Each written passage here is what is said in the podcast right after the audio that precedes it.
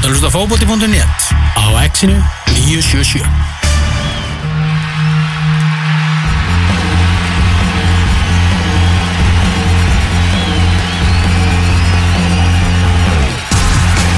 Já, góðan og gleðilegan daginn, það er 16. janúar, útastátturinn fótbolti.net er komin í loftið, Elvar Geir og Tómas Þór með einhver til klukkan 2 í dag og uh, við erum með frábærtíðindi, góðtíðindi.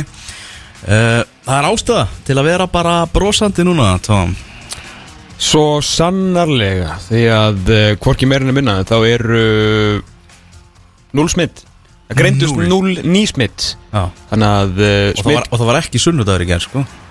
nei það er rétt á föstudagur í ger Ah. Já, þetta er maður, þú veist, maður vissi að það var eitthvað að gerast. Þegar maður fór á vísi í morgun eða klukkan 11 til að aðtöku hvort það verið komin einhverja tölur en það kemur út á ofta svona 10.45 núna eða eitthvað.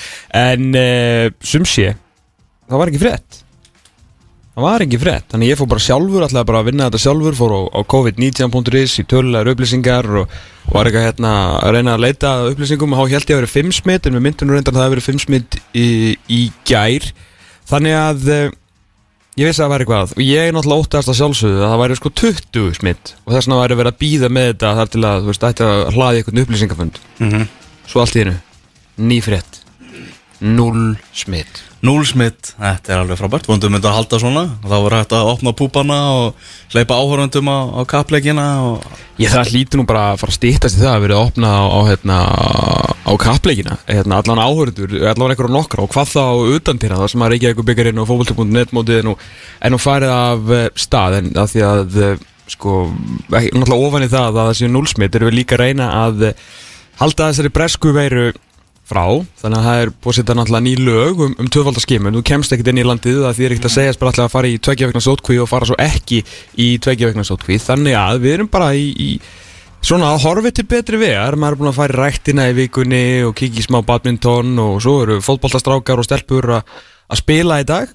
að bara fótboltinn fór úr nulli ekki neitt. Nákvæmlega. allt í hennu bara fullt af leikjum í dag. Fullt af leikjum og, og leikir í gær líka. Í af hann gróttu, við ætlum að heyra í Gústa Gilva, þjálfara gróttu hérna eftir og svo ætlum við að heyra í Orra Hjaltanin líka sem er tekið við þósurum, fjórði þjálfara þós á fjórum árum. Vá. þeir, eru búin að vera, vera að skipta ört út. Já, það tar smá stöðuleika þar. Að það er stöðuleika þar En að, þessu var, það var þá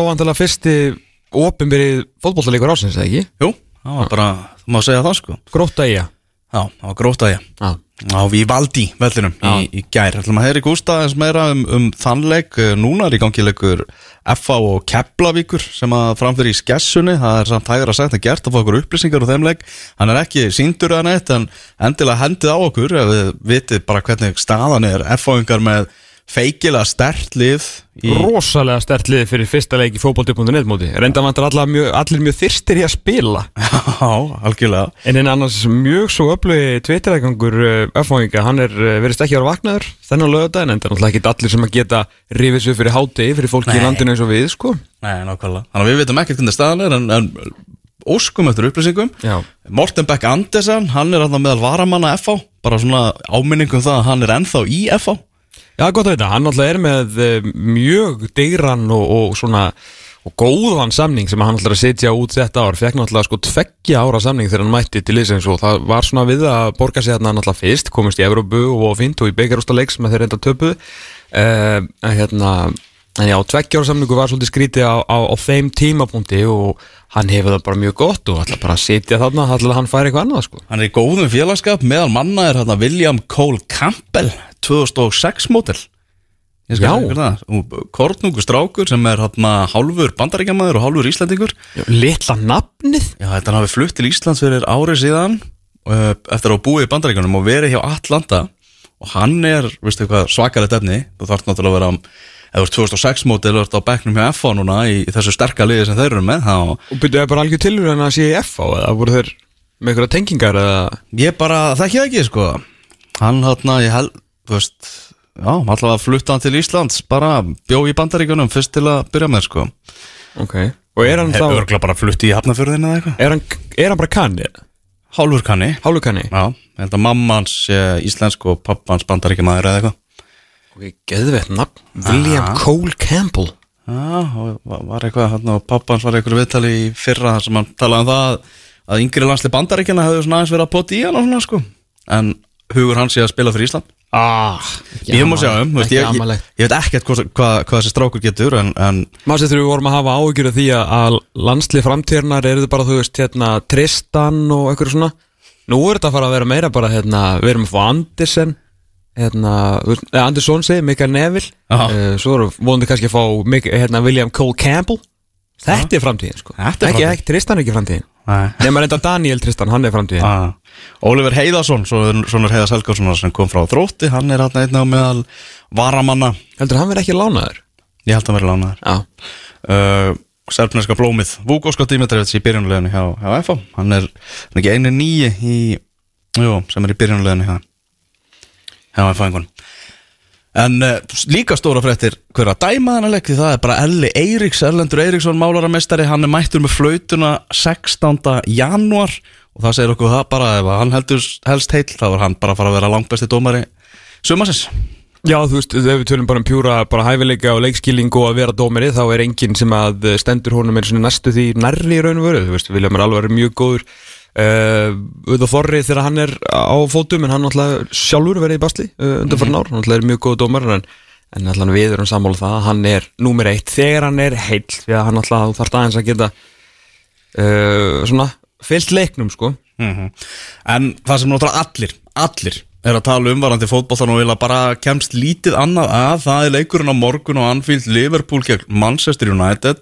Og sá leikur verður fyrirverða mikil hérna setni helming þáttar eins og við ætlum að fá til okkar tvo mætamenn, það verður bara kopp.is á móti rauðu djöflunum. Það er Einar Mattias Kristjánsson. Babu. Babu, henni einu sanni sem ætlar að gera sér ferði yfir heiðina og kíkja okkur. Og svo Þorsteinn Hjálmsson á rauðu djöflandi.is sem ætla að ræða við okkur um þennan leik og við settum heimaverkefni fyrir það heldur betur Þannig að fylgist uh, algjörlega með því hér á eftir en uh, fyrst í þættinum þá ætlum við að uh, fara í þetta hér Gravison forward. Rooney, instant control. Fancies his chances. Oh, brilliant goal! A brilliant goal! Remember the name, Wayne Rooney. Já, munið nafnið Vein Rúni og það er óvægt að segja það að, að fótbolta aðdáðandur bara gerðu það hlýttu þessum lýsanda og, og Vein Rúni búin að leggja skonna á hilluna náttúrulega markaðasti leikmaður Manchester United frá upphafi og markaðasti leikmaður ennska landsliðsins frá upphafi. En svona sérstakt tilefni eh, svona allt einu bara eitthvað síðdeis á föstu degi þá er hann tilkynntur sem þjálfari Darby og hann ætla að hætta sem eh, leikmaður á sama tíma. Þannig að kom svolítið svona eins og þrjumur heiðskýru allt í einu að svona, já, fótbolta góðsögn sé að, sé að kveðja. Og mér finnst ég núna vera orðin hundgamall því að Vein Rúni jafngamall og ég fættu sama ár, 1985 þannig að þetta er svona leikmaður sem að ég hef verið að fylgja bara eftir allan fyrirlinn bara ákaflega grant alveg frá því að hann skust upp á sjónasviði þarna sem kornungur leikmaður Everton. Hólum á hann á EM 2004 18 ára gamlan. Nákvæmlega. Og síðan hérna nú voru bara skórnir skemmtilega komnir á hilluna og hann er orðin stjóra gaman að því að Darby eru tilbúin að veðja á svona unga stjóra sko, unga leikmenn til að taka við, þau náttúrulega gekk vel hjá það með Frank Lampard. Mhm. og núna er það Vein Rooney og ég skal bara viðkjöna það að eins og ég segi, maður er búin að fylgjast grant með Vein Rooney í gegnum öll þess ár. Ég bjóst aldrei eitthvað við því að hann er því knaspunnustjóri eftir að ferðinu myndi ljúka. Nei, ég held ekki ennþá að vera knaspunnistjóri ef, ef við ætlum að byrja í neikvæðinni því að ég það er ekkit við það er ekkit við hann eða hans karakter sem að segja mér að uh, hann verði einhver mætur og, og sko farsalt knaspunnistjóri í, í framtíðinni. Ég bara, það er eitthvað bara við svona, við hann uh, hann er kannski ekki og það hefur mikið rætt um við tökum bara með síðasta stjóra síðasta leikmannastjóra Darby sem var þá Frank Lampard og hann ekki spilandi og ég meina svona einmitt síðasti gæðin sem er bara nýbúin að leggja skóna hilluna til dullega og fer í, í stjórastólin að uh, það er nú mikið verið rætt um það að hann sé nú með greindavirstölu yfir 150 og sé nú að hann sé klár og, svona margir talað um það að þeir sáu alveg, var svona mjög snjall fótboltamæður og ekki að segja sko Wayne Rooney er eitthvað snjallasti uh, og bara besti fótboltamæður sem við höfum séð á, á okkar lífsleið og ekki bara einhver hreitt kraftur hann með ótrúlega yfirsýn og náttúrulega bara geggjaða fótboltamæður en hann er nú kannski ekki alveg þú veist, það myndi ekki hjóla í gegnum samanlöndubrófin á morgun sko. Nei, vera svona mjög kærulaus einhvern veginn oft í gegnum þetta og, Já, rosalega kærulaus og lendi í ímsu á, á sinni lífslið sko. En batnandi mönnum og allt það og var náttúrulega rosalega gaman ef að þessi ef að þessi strákur, fyrirhandi strákur maður í dag myndi koma okkur óvart og verða okkur, svaka knaspunstöri ég, bara, ég er ekki alveg að sjá það gerast. Já, með maður sko hugsaður eins og Steven Gerrard sem er náttúrulega slátra núna skoskudeldinni með, með, með Rangers þú veist, það bara skrifaði skíin að hann verður næsti stjóri í Liverpool þegar Jörgen Klopp kveður sko, Já, það vita allir. Veit allir. Veist, leikmennir hjá Liverpool í dag vita það. Þetta er bara spurningum, ég meina að Klopp að vera svolítið tími viðbót Já. og Gerrard verður ekki, veist, hann mun taka starfa á milli, það er alveg klárt, hann er ekki að fara að hanga í, í, hérna, í skosku úrvastildinni í ykkur 2-3 ári viðbót, sko. Þannig að það er bara spurning hver nær Gerrard í milliskrifinu, mm -hmm. þannig að hann verðist alveg heldur betur vera flottu stjóri, sko. Já. það er ekkert grína að velta seltikastóli og líka, sko, eins og hann er að gera það með því líkum stæl, sko, hann að pakka saman hvað er búin að fá þessi, 5 mörg ykkur 20 leikjum, rugg, það er alveg rugl sko og bara, þú veist, Celtic er bara búið að tanka tímabilinu, þeir byrði ekki eins og frestun þrátt fyrir að séu allir leikmenn liðsins sko í, í sótkví og eitthvað, við erum bara að klára þetta. Já, það er nefnilega skiptis þess að ég var að hlusta á hérna, okkur skoskan blagamann um daginn og að þeir vinna þetta svo oft Rangers og Celtic að þú veist að vinna deildina áfint, þú veist, vinna tvö röð þú veist, skiptir einhver máli, þrjú röð þú veist, vinna þrennuna er svolítið töff og hvað þá að vinna þrennuna skilur tvö röð, þú veist, þeir eru komin í þann pakka. Já, einmitt. þetta er svo þegar Paris Saint-Germain vann frönsku fernuna, þess tvö röð vann átta titla í röð, þá loksinn saði eitthvað svona, jæja þú veist, ok, þið gerðu eitthvað sem að, veist, okkur er ekki samum, skilur, þeir náttúrulega eru langbæstir en þannig að nýja hjá þeim var að vinna tíu ári röð. Og það er alveg að fara í Celtic núna að þeir eru ekki að, þú veist, að Gerard er að stoppa tíuna. Já, og það er actually svona bara stór hlutur. Reysa hlutur sko. Rísa hlutur, en hérna, en já, aftur að, aftur að Rúni. Já, þú veist, ef þetta á hinbóin, þá sér maður ekki fyrir sér eitthvað neginn í dag að Vein Rúni verði eitthvað til að hliðalínunni sem manager of Manchester United. Það er eitthvað sem að bara Ég veit það, ég meina Ma- maður vonandi getur eiginlega ekki séð það, sko. Nei, vonandi hérna höfum við rámt fyrir okkur með, með það og hann sé einhver, einhver frábær, frábær stjóri sko,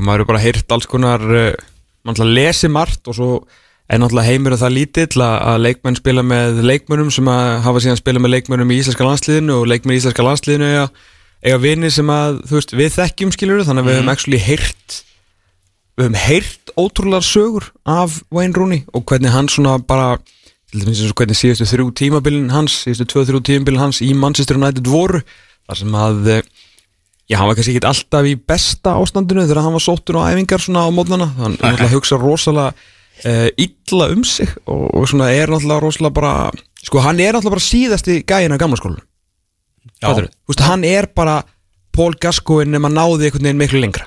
Mm -hmm. hann fór ekki alveg, meina hún finnst rosalega gott að að fá sér hans í glas og hafa svolítið gaman og hérna að fá sér Spjalla við konur. Spjalla við konur um, um, um málefni. Og hérna, að veist, hann er alveg pjúra, pjúra gamli skólin, bara fátakra hverfi úr Liverpool og bara, þú veist, hann að það, það sem er líka þess að það var svo auðvelt að að halda með honum, uh, náttúrulega komað upp með Davidon og pældi að vera klæð tilsleið í dag bara hafa drullast til þess að fatta það að segja þessa setningu þegar hann skoraði þetta mark. Remember the name. Já, einmitt? Bara legendir í setning bara. Já, bara, og svo, veist, 13 ári á United og ég veit ekki hvað og hvað og hvað, sko. Mm. Hérna, uh, með, með Wasa að ég sá, hérna, það var umræða á Twitter í gær hjá, hérna, mann sá Máni bendi sér í hérna uh, blandaði sér í hérna sem ég var stundar ágættispunktur að því að, sko, þetta er, hérna, Wayne Rooney bara einhverjum smá tölum uh, hann átti eins og sagðir, hann er fóru yfir Sir Bobby Charlton sem markaðasti leikmaður Manchester United. Uh, hann er uh, fimmfaldur englarsmestari hann er með þrjá deltabyggara einn FA byggarendar, Champions League fór aftur hann á toppin í Európu fór sér náttúrulega tvisar í úsliti viðbót. Uh, hann var tvisar svona ungi leikmaður ásins einu svona leikmaður ásins og uh, einu svona hérna, já, leikmaður hérna, tímbilsins í hans skúraslitinni hann er eini leikmaðurinn í sögu Premier League til að skora yfir 200 mörg og gefa yfir 100 stóðsendingar og er næstur og eftir Alan Shearer og hann alltaf er næst markaðasti leikmaður Premier League fyrir upp að ekki á eftir Alan Shearer og er næst sem sagt með næst flest mörg pluss stóðsendingar á eftir Alan Shearer því að Shearer er svo langt og undan alltaf í mörgum eh, ofan á þetta það er bara allt sem hann hefur gert og svo náttúrulega líka markaðasti leikmaður ennska landslýsins en samt var, var ég svolítið sammála því sem ég sá í þessar umræði í gær að það var rosalega lítið talað um hann sem einhverja góðsögn Já, það er alveg rétt sko. Þú veist, hann er ekkit á, á, á stalli með einhverjum, þú veist, eins og skóls eða bara þú veist, Alan Shearer bara. Við tölum bara um Alan Shearer. Mhm. Eh, þetta- hérna, og fleiri bara svona að þessum þetta var einmitt skemmtilegt að sjá þessa umræðu það sem að margi góði punktar sem koma Máni hérna á Exinu hann bent á það að hann væri náttúrulega ekki uppalinn Manchester United maður. Já, ef, ef, já, ef við tökum United góðsagnar umræðan og undan ennsku góðsagnar umræðinni að hérna, einmitt Já. varandi United, þú veist, hann er 13 ár fimm englansmestaratillar, allt sem hann gerir hann, hann fór yfir Bobby Tjá, það held enginn í heiminum Mhm. að eitthvað myndi ná að vera nú lengi hjá United og vera nú góðu þetta lengi til að fara yfir Bobby Tjá Bobby Tjá var að skora 6 og 7 mörki leik sko. þú veist, hann var að spila fótbolt á allt öðrum tímum og hann alltaf bara þú veist, hann er svona top 15 fótboltamæður sögunar þegar maður er að skoða eitthvað svona risagreinar og fræðigreinar, hann var ekkit eðlilega góður sko, mm Rúni er að spila á allt öðrum miklu erfiðari fótboltím og verður markaðasti leikmaður Manchester United vinnur alla þessa titla en það er einmitt, þú veist, hann er úr Liverpool þó hann sé ekki Liverpool maður, þá er hann úr Liverpool og hefur náttúrulega fór aftur í Everton skilur og það er eitthvað svona eins og hann sé ekki alveg einmitt. Já, það var líka góða punktur sko sem Haldur Martinsson kom með. Já. hann var að tala um að svona hann á hélt, rauðu djöflunum. Já, hann held að með tímunum þá myndi hann verða skilur meiri góðs já, já. þú veist bara þegar ánir líða og það verður byrjað að horfa svona meira tilbaka það bara meikar ekkert sens. Ha? Þú veist, hann er bara, hann ligg við Af hverju er ekki stitt af honum eins og Tjalton Ég er ekki að segja að þurfa byggja hana. Já. En hvað er mótið í Sko Bobby Tjalton alltaf vinnur deildirinn okkur sinnum, hann verður Europamistari eh, hann var markahæstur og náttúrulega algjör góðsögn í lifanda lífi og allt það og náttúrulega er uppalinn og er á þessari stittu með, hérna, með Dennis Law og, og Best þannig fyrir utan. En af hverju ekki Wayne Rooney, er það bara því hann er ekki uppalinn, þú veist það er stitt af Thierry Henry fyrir utan, hérna, og já, Dennis Bergkamp og eitthvað, þú veist, þeir eru ekki rosalega uppaldir hjá Arsenal, en þeir eru bestu leikmenni sögu félagsins, skilur Já, já. þú veist, er eitthvað sem segir að ef ég myndi segja við núna Wayne Rooney er besti leikmaður í sögu United hef ég rand fyrir mér? Þetta komið fullt af rökum Ég fullt af punktum þú veist, ég meina, ég, þú er alveg að setja upp best Law, eða best Charlton, uh, Scholes Ronaldo, Giggs, eitthvað svona fatturu en ég hef ekki, ég get alveg staðið hérna og rifist við um hvort að Rooney sé bestur með allir tölfræðin og allt sem hann hefur afreikað hann er markahæsti leikmaður félagsins upphæð en mér varst það samt áhugavert, ég hef aldrei pælt í því að að ég nætum önum, sko, fyndist hann kannski ekki einu svona vera góðsögnan því hann var einhvern veginn aldrei þeirra. Hann var bara svolítið leiður í 13 ár. Já, nákvæmlega. Er spurning kannski þóstin aðeins út í þetta og eftir þeir koma hérna að tala um leikin en mér höfst það áhugavert. En síðan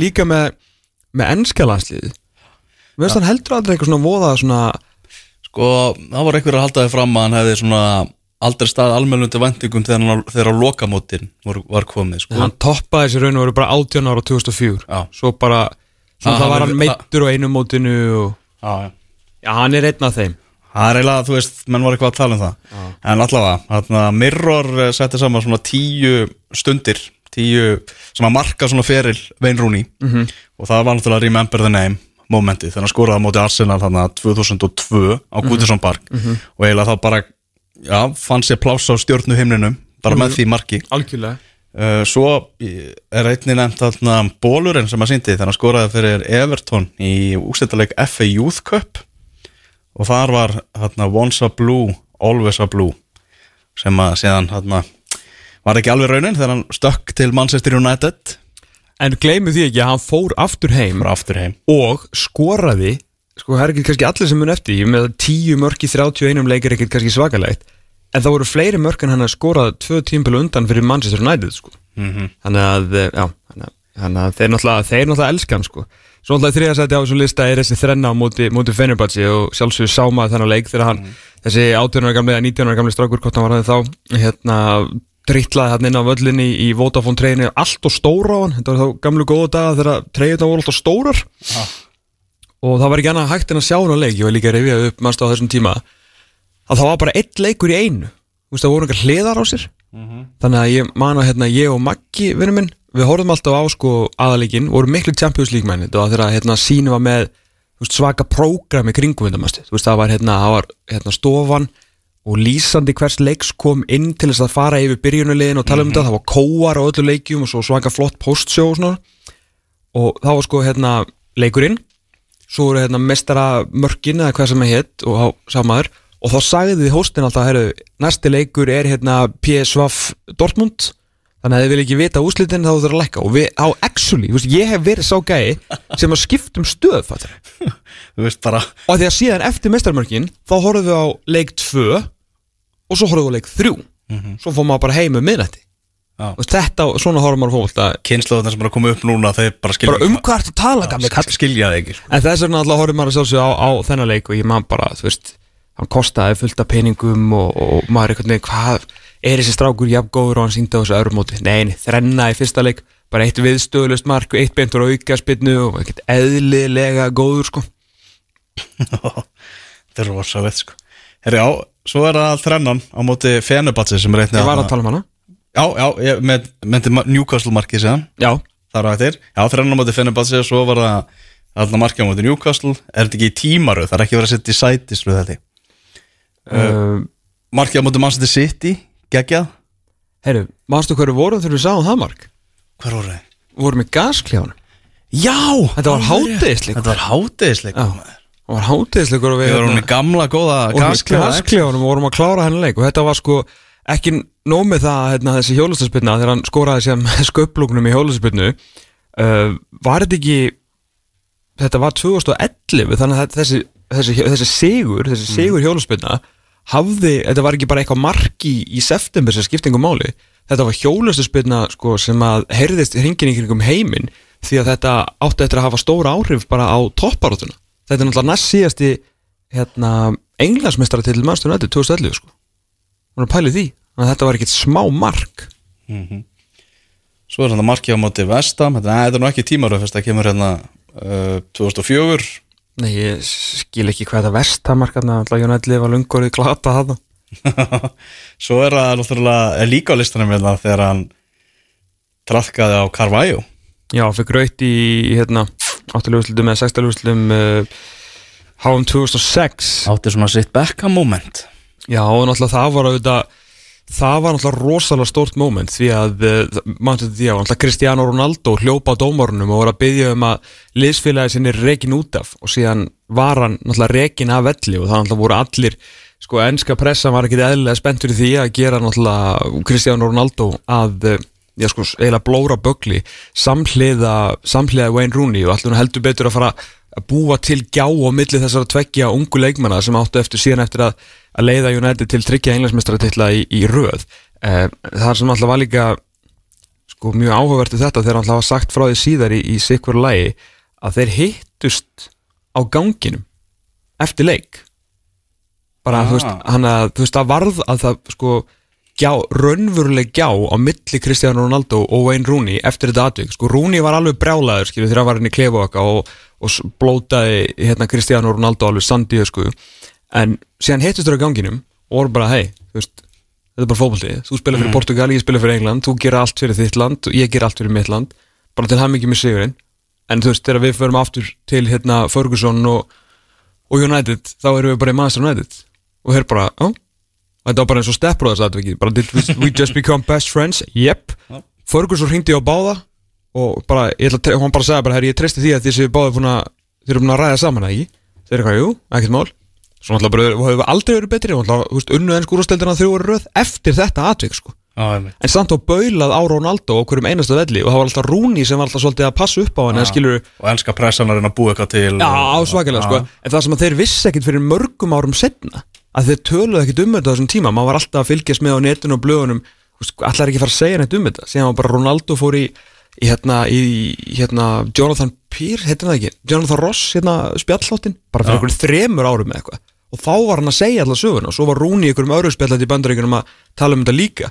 Þá kom í ljósa að þetta var aldrei neitt vesen á millið þegar þeir bara hérna, lögu þetta Strax eftir leik, bara. skildi þetta á vellinum.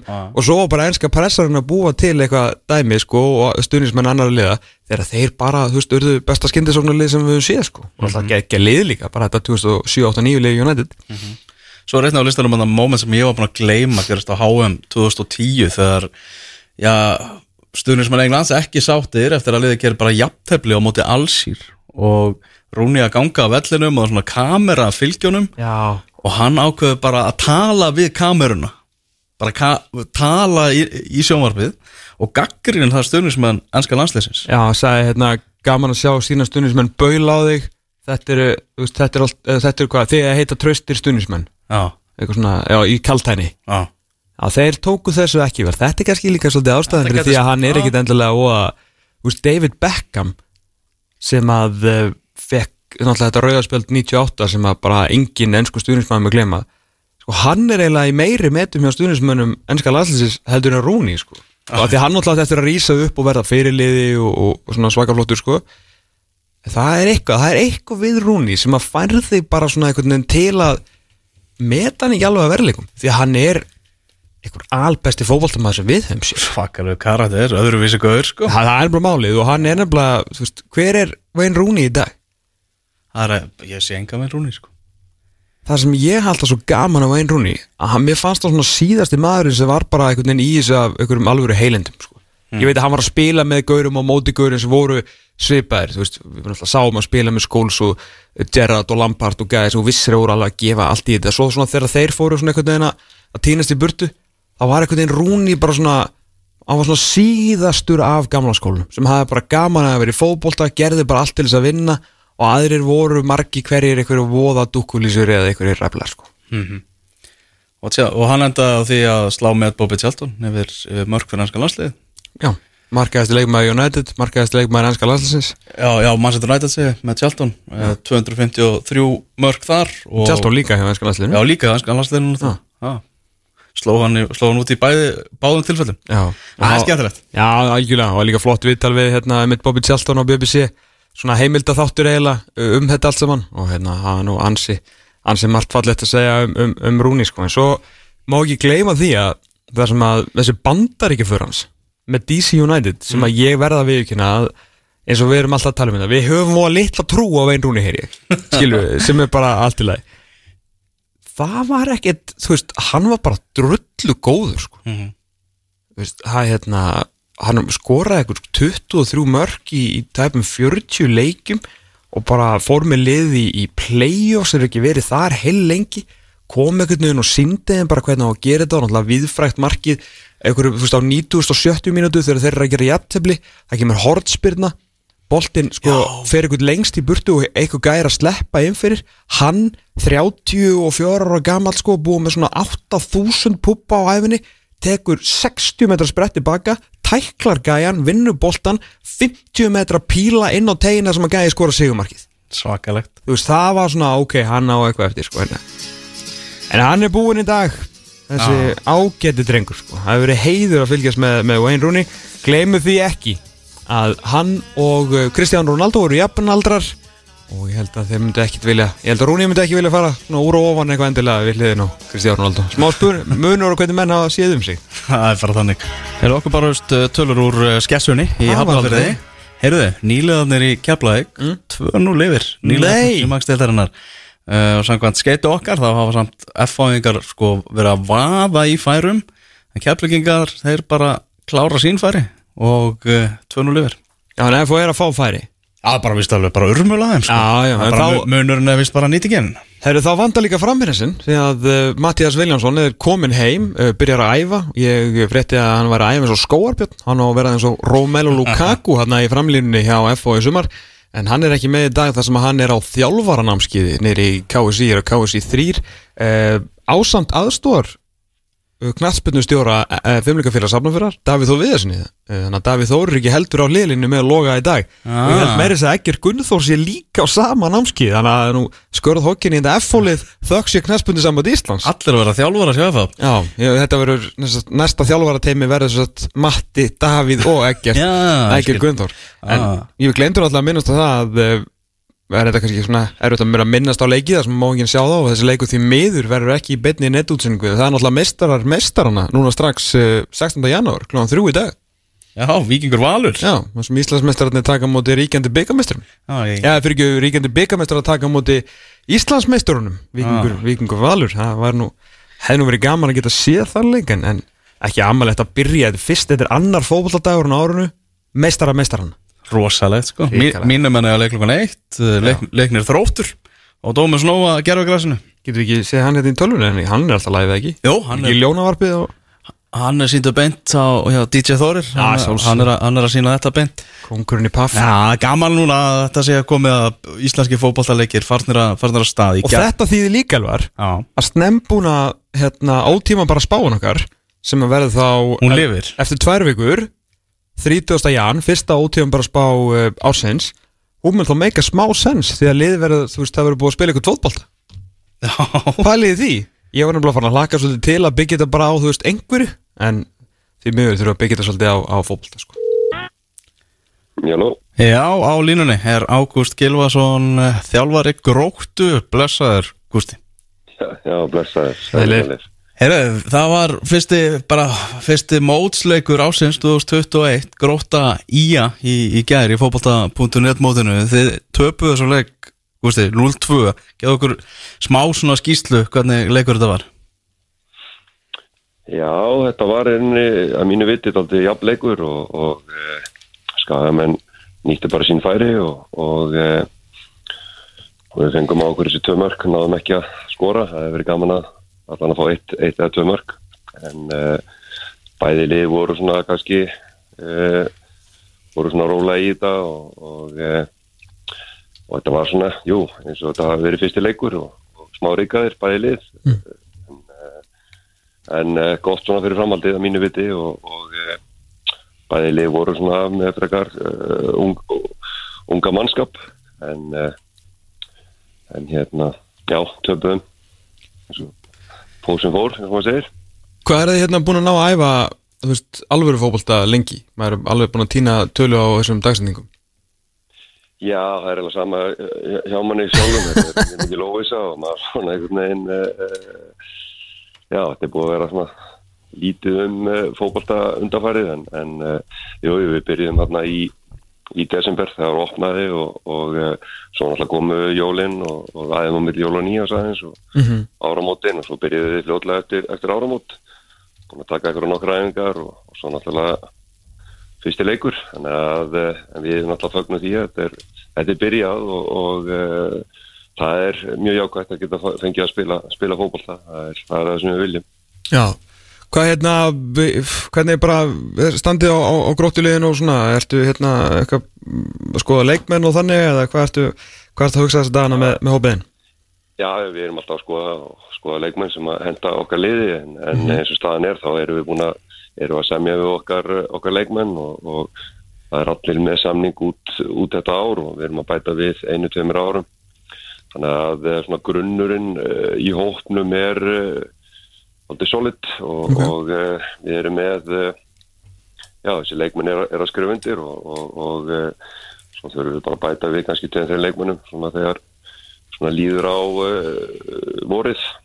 Þannig að við erum á, á góðu róli og náttúrulega og við vorum dændir niður á sjálfsögðu eins og menn vita. Fjallum ekki kannski beint heldur dændir niður og, og við tökum því og, og, en við erum með svona svipa lið og, og, og, og var í pepsisteldinni fyrra. Já. Og það er mjög jákvæmt að geta byrjað eh, svona í janúar með, með góðan grunn. Mikið við erum með stóran hóp og, og uh, þannig að við erum við rauninni með að falla, falla, falla um deild uh, þá ætlum við að sjálfsögðu upp áttur Já, þannig að það er alveg yfirlist markmið hjá okkur að þá að kera á, á eftir tvö sætin í, í sumar Já, við auðvitað fyrir, þannig svona á nýja ári að, bjartframundan og, og e, við ætlum okkur að sjálfsögðu upp aftur en, en auðvitað setjum okkur markmið þegar, þegar nærtir við móti, svona þegar æfingarleikinir eru farnir, að- farnir að staða fullu og við byrjum að æfa eins og menn og þá, þá hérna, tökum við stöðuna svona í kannski í april og hvernig hópurinn, hópurinn verður svona heilt yfir. mm Þetta sé ótt að fullera það að þessi, þessi lengjadeild, fyrsta deild verði og verður erfiðari heldur en til dæmis 2019 þegar, þegar gróta kemst upp. Það, það eru hérna það er svo fleiri lið sem að ætla sér beint upp í, í Pepsi Max. Já, það eru mörg lið sem eru stóru og ætla sér mikið og, og auðvitað verður þetta, ég segi það, þetta eru það eru, er, engin auðveldur leikur í deildinni og, og það eru mörg stórlið þarna sem að ætla sér mikið og, og, ég er að setja daldið, þetta var erfitt eh, árið 2020 og, og eh, svona peningalega séð og annað, þannig að menn voru ekki alveg að fá, fá inn þær tekjur sem að vænta. En uh, menn eru stóru að 2021 og maður sér að það eru einhverja tilfæslu með leikmenn í þessi lið bæði, já, í þessi topplið í fyrstöld að þetta, já, ætla, ætla menn upp. Við förum eins og við erum ekkert að breyta okkar okkar uppleggi og við förum á staðan bara með unglið og, og reynslunni ríkari segja svona eftir, eftir hefsideldina og, og fórum, þetta voru mjög erfið leikir en, en uh, góð reynsla fyrir þessa ungu, ungu stráka og, og gott moment og nú er, nú er bara að standa sér vel í fyrstdeldinni og gera það sem við gerum 2019 bara upp Já, nákvæmlega. Þannig að þetta, tímabila eins í, í Pepsi Max-deltinu og þetta skrítna ástand, það var ekki svona kannski alveg svona, já, sami dýrðarljómi yfir þessari deilt, vantaði áhorvendur og, og eins og segir mótið ekki klára og svona, þetta var ekki svona alveg það sem að, já, kannski seldetningar sáu svona í hillingum þegar liðin á að komast upp í, upp í eftir deilt. Nei, það var náttúrulega vest að að hafa ekki áhörundur og geta gert okkar, okkar völl að víi uh, heima völl en, en þannig að það vantaði mikið svona heilt lungan úr mótinu áhörundur til að stiðja okkur þetta var, það er náttúrulega lið sem að gera það en það var kannski okkar uh, svona já, að fara inn í, fara inn í þessu erfiðu deild. Menn vissu það að þetta er, er, er mjög erfitt. En þegar tólti maður var ekki við liðin á okkur og kveiti okkur þá en við byrjuðum náttúrulega fyrstu, fyrstu, fyrstu leikina og góðbóðsöldi og svo heimaðli þá var áhörund og það var, það var mjög gaman þó við tapa, tapa leikjanum gera svo jættibli heima við, við Háká hérna, fjögur fjögur sem var svona daldi fannst mér að daldi vendipunktur að hafi ekki unni þann leik. Vorum fjögur tvö yfir og, og komum þarna smá moment sem að svona, já, fjall okkur ekki í vil en, en uh, það hefur verið gott að fá til úrstið þar svona fyrir áframaldið en leikur nendaði fjögur fjögur.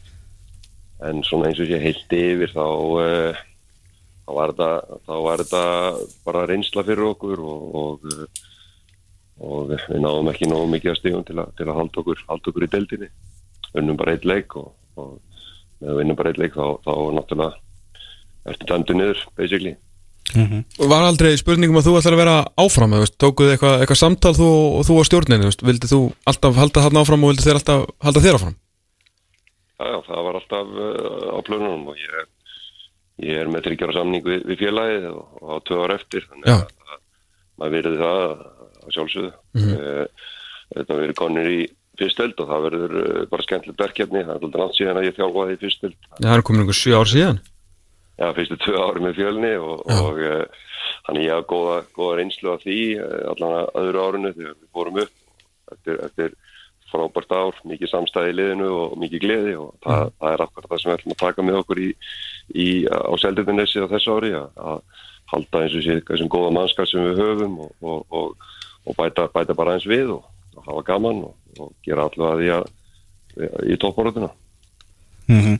Herðu íþróttamaður gróttu árið 2020, Hákon Rapp Valdimarsson, markmaður sem er svona eitt þinn svona umtalaðasti leikmaður var verið orðan í vetur við, við liði í Pepsi Max-deltinni og hérna og náttúrulega búin að vera orða er, undir smási á Erlendra félagslega einnig, er hann áfram í marki gróttu í, í sumar eða er það ennþá óráði?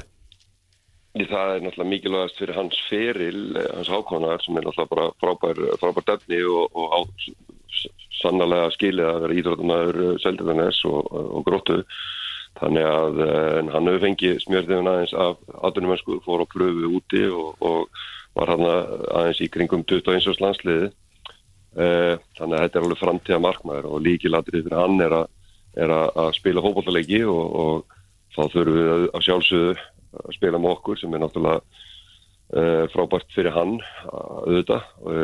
En ef hann fær tækifæri annar staðar þar sem hann spila þá, þá, þá skoðum við það sjálfsögðu og, og hans besta besta múf fyrir hans feril var ég að sjálfsögðu að komast erlendis og, og borðandi Svíþjóð til Norrköping og Ellsborg og ef þessi lið eh, vilja fá hann sem, sem aðanakmann eða í einhver 20 lið hjá sér og, og alveg góða markmannstjálfun þá, þá til ég það væri hans besta skref. Þannig að við erum ekki að vera eigingjarnir á hann en, en auðvitað vilju haldunum og, og, og hann spilir fullt af fókbóltalegjum sem er líkiladrið fyrir unga markmann. Hann er sjálfur búin að segja að þú vilja vera áfram í, í eftir delt en, en þú veist, vilja, ertu að segja okkur að þú vilja frekar setja hann út? Ef, þú veist, ef hann fer ekki út þá viltu hafa hann hjá þér bara og, og hann verður hann þar? Já, eins og, eins og nefndi á þann að það er bara mikilvægt fyrir hann að spila fótbolta, fótboltaleiki á, á góðu leveli og, og þetta átt hann, uh, hann átti gott, uh, gott uh, tímabil fyrir okkur í sumar og eins og ég vann sér inn, hann var 21 og svo vann sér inn pröfu til Svíþjóðar, þannig að Þannig að við, auð- auðvitað er ekki gott fyrir markmann að að fara bara á bekkina og spila ekki fótballtaleiki. Þannig að uh, ég segi nummer 1 og 3 að hann, að hann gerir það. En auðvitað frábært tækifæri ef hann kemst ellendist, það væri náttúrulega, það væri mjög gott eins og, eins og, og, og Patrik og, og fleiri leikmenn, markmenn hafa, hafa stíð þetta skref unga aldri og fara ellendis og hafa bætt sig gríðala og ég tel að Hákon eiga mögulega ef hann fær tækifæri að fara þá ellendis. Annars bara spila á Íslandi og, og, og spila þá 20-30 leiki á, á tímabilinu. Og þá helst með gróttu á sjálfsögðu en það er hann með samningi okkur en, en auðvitað tækifæri fyrir hann. Ef hann fara að spila í eftir deil þá er það líka mögulegi. Ágúst Gilvarsson þjálfur í gróttu Þetta er- þetta er aldrei óráði þannig Já, ég skilji, ég skilji. Ég Það er bara janúar og fótbolti var að byrja á svona þannig að kannski. Já, já, Þú spilar fyrsta leik ársinn sko þannig að það er nú, er nú nægu tími enn þá sko. Já, það var skemmtilegt að fá að spila þennan fyrsta leik ásins það var bara mjög gott. Ekki spenning, Gústi, takk fyrir að taka síman eins og alltaf. Gaman að heyri þér. Það var bara gott mál, tölur saman Heyri þér, bæ Bæ. Það er Ágúst Gilvarsson, eh, þjálfari gróttu, uh, hér rétt, rétt á eftir alltaf heyri orðafræði Hjaldalín, Þórsarar hefja leika á morgun í kjarnafæðismótinu, hvorki meira en minna og þeir að fara að keppa á móti K2 það verður alveg, alveg fótballtalegur Þú ert að hlusta á fótbolti.net á exinu 977 Orðafræðir Hjaldalín, hann tók við uh, Þórsarum í november mánuði, skrifaði til þryggjar á samning, í í fullt starf, uh, kom núna Já, nokkuð á óvart, eh, náttúrulega ekki búin að vera í þjálfun undanfarna ár en hann var, eh, hann leik með Þóru upp í yngri flokkana og lengi í meistaraflokki, leik eitthvað með eh, Grindavík og Magna, ásandi á leiki með GG í fjóruðdeldinni, laði þess að skona á, á hilluna og þetta er svona, já bara nýtt nafn í, í þjálfara bransan, heyrðum við Gunna Eina sem tók við Vikingi Ólasvík, þannig að það eru svona dettin nýn öfn í ringekjuna. Já, sem er, sem er vel því að ringingjan alltaf orðin getur orðið lúin eins og kannski mest í svona championship-deildinni á, á Englandi það er svona einn Vá. uh, en það verður reyndar að gefa sömum það í, í, í hérna gamla skóla hringinginu að þeir eru nú ágættir í þessu eins og til dæmis Neil Warnock sem að verðist vera eilífur en svo detta menn út og nýjir menn kom inn og við fögnum alltaf að fá nýja og, og spennandi unga þjálfara í, í geimi Algjörlega, Orri er á línunni, sallar blessaður Orri. Blessaður. Hvað eru menn? Þeir eru bara nokkuð góðir í dag. Það er ekki, er þú ert á ferð og flugi eitthvað á landi, hvað ertu stattur nokkulega? Já, ég er, ég er að detta til vina minn á Blöndósi, akkurat svona. Já, ok, er það á leiðinu norður? Já, ég er á leiðin norður. Já, það er leikur náttúrulega á morgun kjarnafæðismóti að byrja, er ekki svona fyrringur að, að fara að stýra fótballtalegjum? Jó, það er, það er mikið fyrir ykkur. Við erum þetta reyðum leik líka í dag. Hérna, við erum með tvö, tvö meistarásliði sem móti og, og þóru tveir á, á leik í dag. Já, ok, á, móti hverju? Á móti KF klukkan, klukkan 5. Já, ok, ok. Heyrðu þetta, þú dettur inn í þetta hjá, hjá, hjá Þósurum, ráðin í, í þetta starf, komin í, út, í, út í þjálfun, segð okkur aðeins svona frá aðdraðandanum á því að þú ert ráðin. Uh, sko, aðdrandin hefur kannski verið alveg svona pínu, pínu langu, sko. Ég, ætla, ég, ég spila hann 2017 og, og flytt svo aftur til, til Grindavíkur og svona fljótlega eftir, eftir, eftir að ég flytt hanga þá svona, þú veist, kom upp þessi hugmynd hvort að ættum að, að hana, láta reyna á þetta. En í mittiltíðin þá, þá lefði ég í hérna vinnuslissi sem kjælt mér aðeins frá fókbaltanum Ok. og svo bara núna er maður bara komin á fulla og fættur og þarna þá bara ákveða að kýla, kýla á þetta. Mm algjörlega, algjörlega. Þetta er, er náttúrulega eitthvað sem hefur blundað í manni í ansi mörg ár. Þessi, þessi staða, sko. Já, nákvæmlega. Og þú hérna, hvernig líst þér núna bráð þetta verkefni á Þór? Vorum að tala um að áðan að þú ert nú, já, fjóruði þjálfari liðsins á fjórum árum. Þú ert vantalega komin hérna til að að koma með svona aðeins meiri stöðuleika í, í þitt félag. Já, það hefur verið svona fyrir utan Palla Gísla þá hefur verið svolítið mikið rót á, á þjálfara teiminu hann í gegnum árin. Og svona svona lítill svona stöðuleiki í bara klubnum finnst mér. En, þarna, en, en það er alveg klárlega svona stór hluti sem við ætlum að reyna, reyna að breyta svona aðeins að breyta kultúrnum í liðinu og, og, og svona bara veist, í bara okkar gildum og, og fíulikt sko. Já, ok. Og þannig að, þú veist, þannig að, að vonandi að þjálfari sem, sem tekur við að mér að hann sé svona að vinna í, í mjög svipum hlutum og, og ég mun koma til með að gera. Mm Nákvæmlega. Það er svona að maður getur búist til því að það munur svona, já, ákveða svona hjarta að fylgja því að, að þú sett að fara, fara að stýra þessu liði. Já, já, ég er náttúrulega ég er samt mjög ólíku þjálfari og ég var sem leikmaður ég ætla var alveg hundleðilegur inn á, inn á velli sem þarna, en svona, þú veist ég, að mér, mér langar til að að, að þóslið verði svona, þú veist, ekki eins og ég var sem leikmaður. Að verði svona aðeins svona, hvað, hvað segja ég, svona, svona í betri málum svona bæði andlega og, og svoleiðis, þannig að það verði svona, svona já, jákvæmt lið. En það er náttúrulega hefur alls ekki verið eh, eins og segir svona þórslið og þeirra var svolítið ekki stært sig að því að vera jú, nótu þá bróðið, leiðilegir þá sérstaklega í, í þorpunu, það vil enginn fara og, og spila þarna, ætlar að þú svona fara að draga eins úr, úr hitanum og, og, og hvað, ég svona þú náttúrulega dregur aldrei hitan úr þorpunu, þú getur, getur kannski sett hann í aðeins svona læri stillingu. Öð- öðruvísi búning Ég skilji, ég skilji, ég skilji. Þannig að þetta, þetta er alveg verkefni með þetta er svona alveg, þú veist, hugafarsbreyting og svona, alveg að fara í alvöru verkefni þá með þetta þórslið og hljómar regla spennandi Sko, og vandamáli er sem, sem það er jákvæmt en eitthvað en, en skiljur í, í gamla daga, gamla daga fyrir 10, 20, 30 árum veist, þá var veikleikin að þóra við áttum ekki nógu góða fótbollamenn en veist, allir nefnt að hlaupa og berjast og, og djöflast og allt svona sko. En núna erum við bara að koma upp með kynnslóði sem eru bara dröllu góður í fótboll Algjörlega og það, er svona þú veist, að að skapa svona umhverfi fyrir þá þannig að þú veist, þeir geta látið fótbolta hæfileikana að njóta sín. Og eins og í hófnum mínu núna erum við með marga mjög unga og mjög spennandi svona alvöru fótbolta leiknum mm Og þú, til þess að þeir þroski og bæti sig og, og verði vonandi skilur við bara góði leiknum hvort sem það verið þóri eða, eða einhvers staðar erlendis að, þá svona þurfum við að, að, að, að fara í það að reyna að spila aðeins svona betri fótbolta. Nú náttúrulega Alvaro Montejo hann er, það er ekki rétt, hann, að hann verður ekki áfram hjá okkur og náttúrulega leikstíl þós hefur rosalega mikið snúist bara hreinlega um Montejo. Já, hann er náttúrulega er algjör gæða leikmaður í, í þessa deild og, og það er svona, þú veist, hann er ekki farin frá okkur en, en þau máli eru bara svona í ákveðnum farvegi. Já, ok, þannig að ennþá alveg möguleik að hann verði, verði fyrir núlega Það er alveg, alveg inn í myndinni. Og en svona, þú veist, en það eru bara fleiri leikmenn í kringum hann sem þurfa að- stíga upp.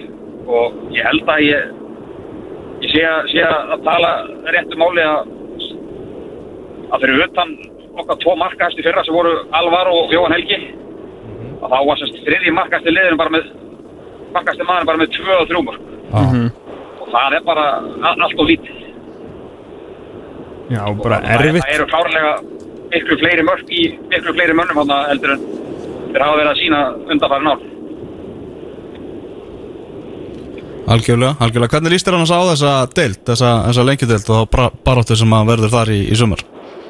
Sko, það er mjög erfitt eins mér að, að, að rýna í hópana eins og þeir eru akkurat núna Vestmanningar hafa alltaf styrt sig bara mikið. En bara eins og fyrir, fyrir okkar lið og, og svona lið sem maður þekki kannski aðeins til eins og Grindavík og fram og, og fleiri sko. Þá eins og mjög erfitt svona að svona áalla hvar, hvar liðin koma til með að, að vera í töflunni. Já, það getur orðið bara þrjus og jöfn deild sko. Já, bara eins og staðan er, er í dag að þá eiga sér lið vantarlega eftir að sækja sér einhvern liðstyrk og ég held að flestu, flestu liðin í deildinni eru bara mikið að spila á, á sínum strákum allan þess að fyrstu, fyrstu leiki Mhm. og það verður bara mjög spennandi að sjá hvort það sé ekki bara fullt af einhverjum ungum heimastrákum sem blómstri bara í svona þessu ástand þessu við erum, erum í. En hva- hvað hérna, hvað viljið þið gera í mótinu? Ertu, ertu núna 16. janúar bara að- stefna upp eða ertu bara að fara í einhverja vegferð sem getur tekið 1-2 ára að slípa til svona veistu hvað þú vilt gera á þessu ári hvað var það sæti og árangur? Ósklega eins og Þóra er náttúrulega alltaf að stefna að að fara upp, en Já, við erum svona kannski pínu að að horfa eða núna að fara svona rétta, rétta leið upp. Þannig að við séum ekki bara að tjalda öllu til fyrir sumar við sumar og, og svo bara skilur sjá til fyrir næsta sumar. Þannig að mitt markmið er að, að, að koma þessum ungu strákum svona kannski aðeins meira og betur inn í, inn í hlutina í, í fórsliðinu. Já, algjörlega Já, þetta verður, þetta verður mjög svo spennandi og hérna verður, verður f- spennandi að fylgjast með þessu og ég treyst á það að þú verður að bjóða upp á góða fyrirsagnir í viðtölum og svona eins og, eins og þú hefur verið vanur í gegnum tíðina á leikmannaferlinum Ég, ég, ég á alveg öruglega eftir að valda eitthvað miklu óbröðu þar. sko. Nei, nei, nei, nei Ég, ég, ég var að fara í gegnum þetta við hérna félagið mér um daginn og, og mig minnir að ég sé bara með eitt gullt spjald sem þjálfari sko. Ég er búin að þjálfa í 20 úr. Það er aðeins fleiri eins og leikmaður Aðeins færri, segi. Að fjúkja í síman og maður kannski hann er að búa til eitthvað fyrir ykkur. Veistu hvað ég, veistu hvað ég fattaði hver þú væri í ennska boltanum en daginn, Ári Já, Þú ert Conor Cody úlsleikmaðurinn. Já, af því að þegar þú varst að spila með Grindavík svona sérstaklega undir það síðasta þegar þið með fullir virðingu voru ekkit rosalega góðir Nei. og töpuðu hverju leiknum að fætur öðrum þá mætið þú alltaf í viðtal og Conor Cody er ságóður í Wolves það er endar aðalega því að það talar eiginlega engin annar ennsku hann er þetta ekki sama en alveg eins og með Úlfana að þá varst þú alltaf í viðtali fyrir Grindavík sama hversu mikið þið töpuðu sko. Sko þetta, ég get alveg sagt ykkur það, það, það er ekki miklu uppáhaldi hjá mér að fara í vittölu tablikki. en við alltaf mæturu En mig, mig minn- minnir að við höfum verið með, með slatta útslingum að það á þessu síðustu árum í manni Greindag og og þú varst kaftinn og svona það það bara vildi ekki mæta í þetta. Það var svona til, til leitt. En leist það vel að þetta er bara alveg toppmaður, toppmaður Er orðið takk hjálpa fyrir spjallið, bara gangið vel á, á árnu og við höfum nú potið eftir að heyra spiltu síðar Já, bara minnstamáli, bara takk fyrir. Heyristunir, bye bye Bye bye Bless. Já, tónlistinni í þetta dagsins kemur frá Liverpool og Manchester þrátt fyrir að þessi hljómsveit sé nú ekki mikil mi- ekki miklir aðdándur Manchester United reyndar Oasis. Er rosalega langt frá þér endar Já, svolítið langt frá því.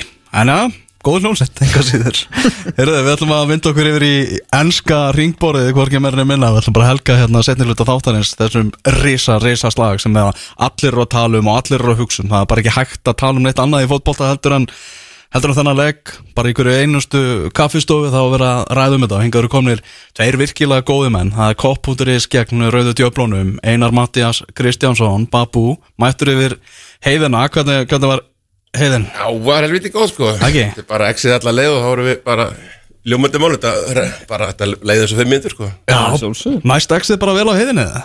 Já, þetta, já, ég held að nákvæmlega heiðinni en þið mættu nú kannski hendu upp einu sendi svona til að þetta sé allt í lægi á, á selfósi en Já, við förum í það eftir helgi.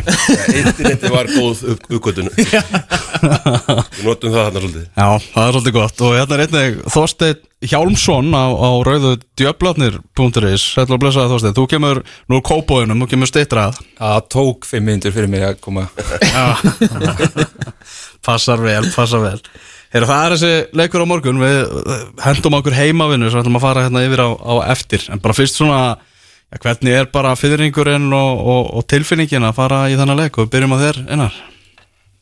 Sko, þetta er bara, þetta er best að lýsa þetta sem bara líkamlega óþægilegt. Þetta, Já, Stemmingin er búin að vera þannig bara núna Þetta voru bara vond jól Eftir, hérna 2021 er bara ekkert að byrja betur heldur en Nei, nei, við, við erum ágætla ágætla brattir, við sáum Matip á æfingu þannig að það er kannski svona vottur af varnamanni í, í lögbúl hópnum en, en hérna, hún er oft verið við erum oft verið brattari, fyrir hérna, fyrir leiki hjá lögbúl núna undanfærin tvö ára en ekkert, djöfull, ekki strax. Mhm.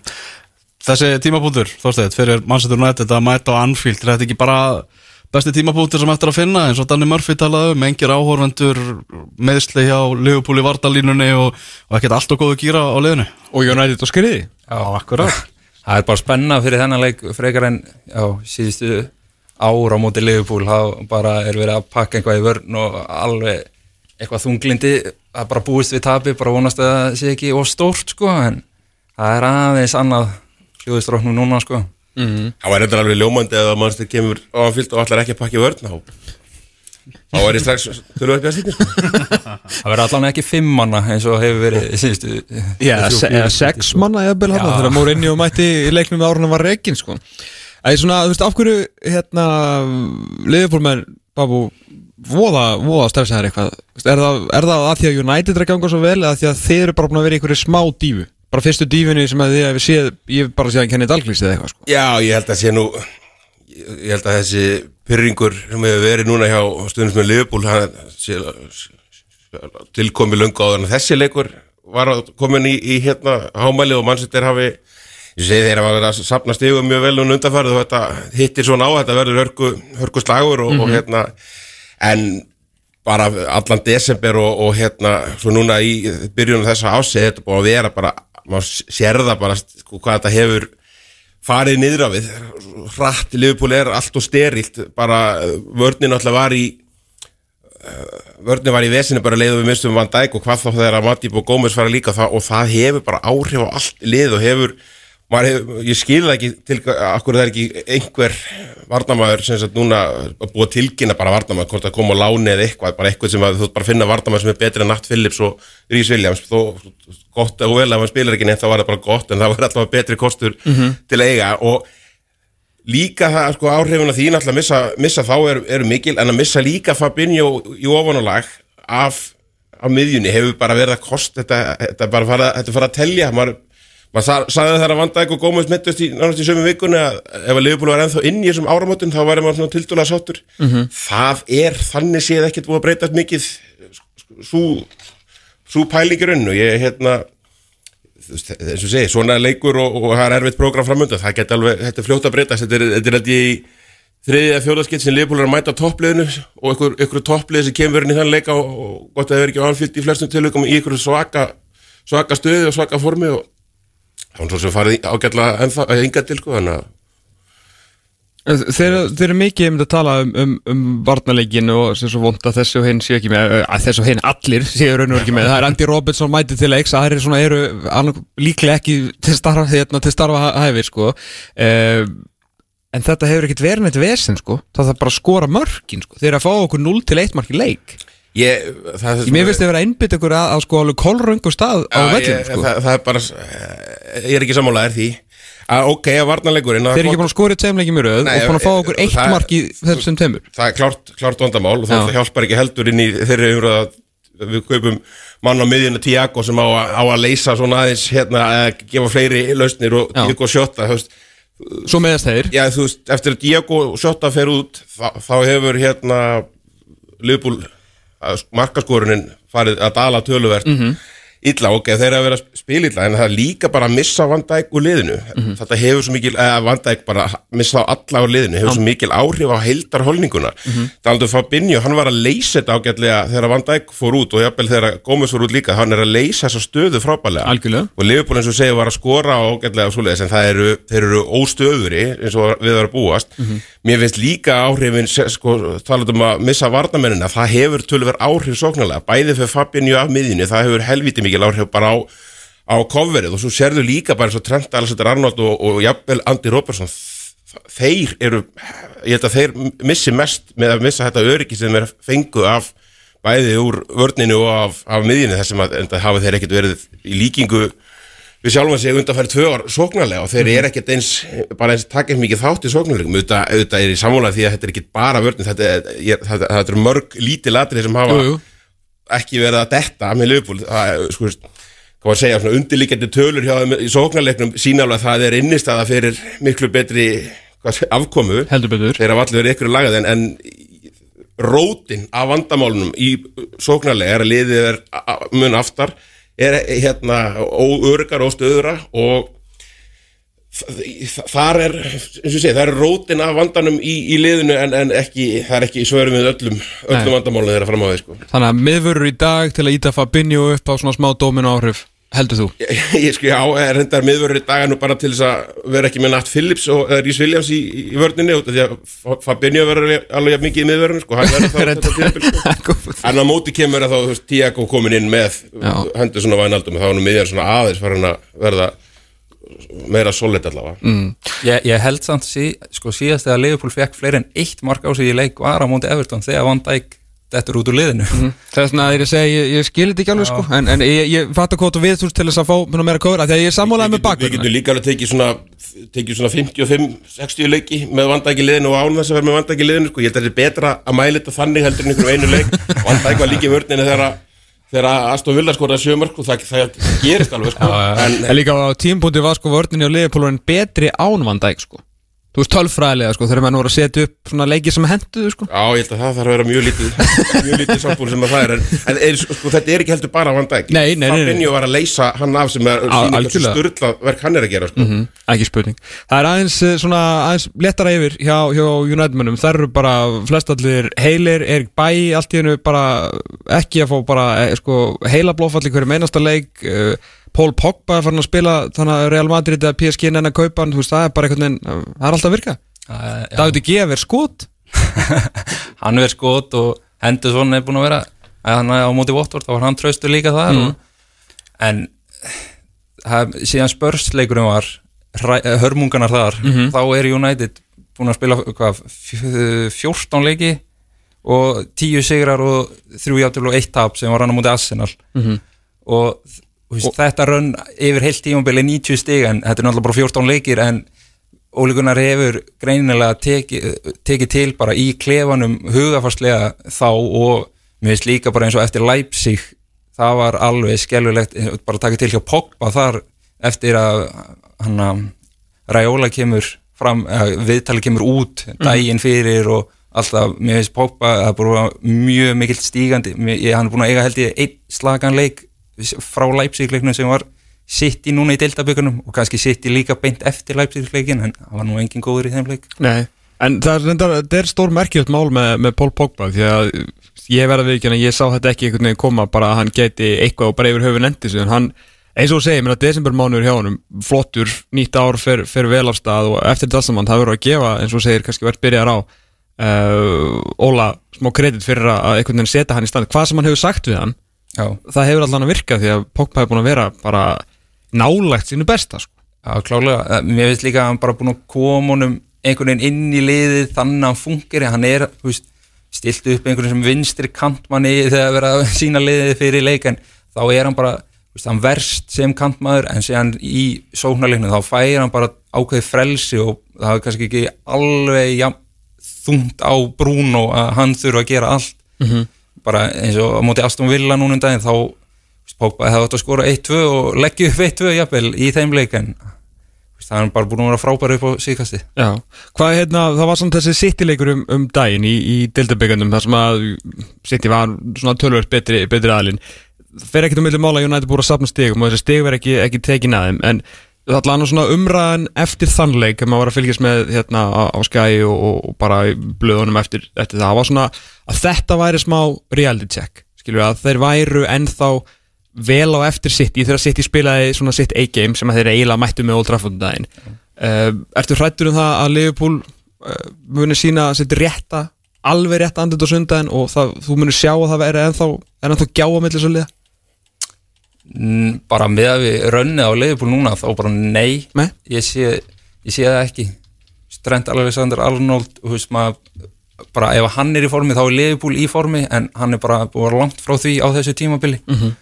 til dæmis og þetta með City og United þeir náttúrulega missa þetta undirbúningstíma þú veist öll lið mista á undirbúningstímabilinu þeir koma setna inn í móti eftir Evrópadeildina og allt það Mhm.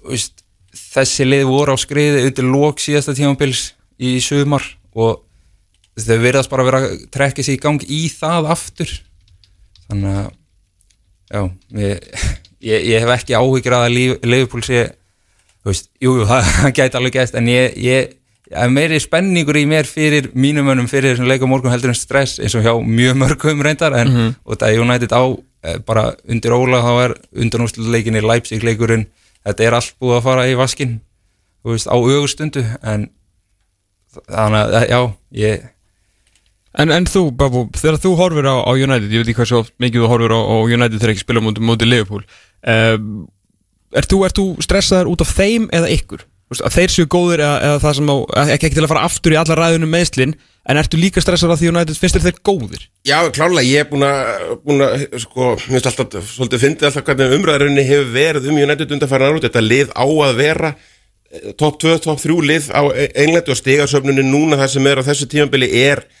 svona nálættið sem á að vera par, myndi ég segja, hjá þessum hópi. Þeir hafa ekki, svo ég viti, lendin ennum svona, of, svona rosalega alvarlegum meðslum eins og kannski, kannski er að misminna það sko, ekki, Nei, nei, svona nei. season ending.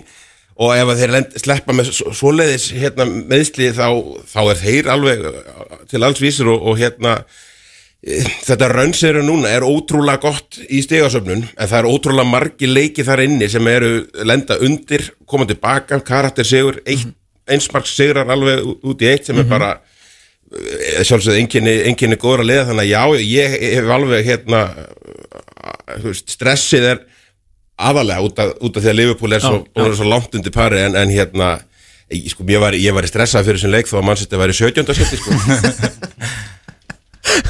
Það er þessi leikir skipta þig svakalega ummáli sama hver, þú veist, eins og þegar United mitt var til dæmis nánast bara í 17. sæti þegar verið að mæta á síðastu leik fyrir mér er þetta náttúrulega mestu stærstu, sko, stærstu leikinn þannig að mestu ég, mér er meira saman til dæmis Everton heldur um Master United og stillir þið þannig sko. Ok, ok. Það er, já, það er, já, það er, það er svona stór orð, ég held að þið alveg bara hötu eða tónu út af lífinu, sko. Já já en, en hérna sérstaklega þú býrð hérna á Ísland ekki, ekki í borginni þá hérna Þá er United stærra í- Ég umgengst bara, bara núna hérna inni. Miklu fleiri United menn heldur en, heldur en Everton menn sko. Ég sá þetta, ég kem nú að því að eftir Ég, ég sá nú varst að tala við Everton mann um sammeðlega byrjunlið Ég vinnum með Bjarni Viðarsson Nánu ekki að drukkin í vinnunni? Já, Bjarni Viðars er að fá smá heitt hérna frá, frá Liverpool samfélaginu eftir að hafa talt fram hann að sammeilegu liði. Ég heldur betur svo Þessi sem- góði maður. Já, það var svo sem lesið við er ég held að hann hafa nú verið uppalinn púlari Hann hann er nú, er, ég gefa hann smá breyk Já, ég meina, hann, er, hann fer sinni eigin leiðir í þessu og hann var alltaf þegar hann valdi samanlítið Liverpool og Manchester City? Já, ég, yfir þetta með honum á eftir. Já, hann valdi sex United menn í, í liðið. Ég, hérna, ég var um þetta að leika mér á skjárunum sko fyrir og ég setti átta Liverpool menn. Þannig að þetta er svona sitt síns hverjum í sko. Eh, hérna, hvað er svona en, en á tímabilinu uh, þá, svona, hver, er, hver er búin að vera bestur hjá, hjá United? Hver, hver er þetta að horfa á morgun? Hver er að fara að mögulega skora sigumark við þig?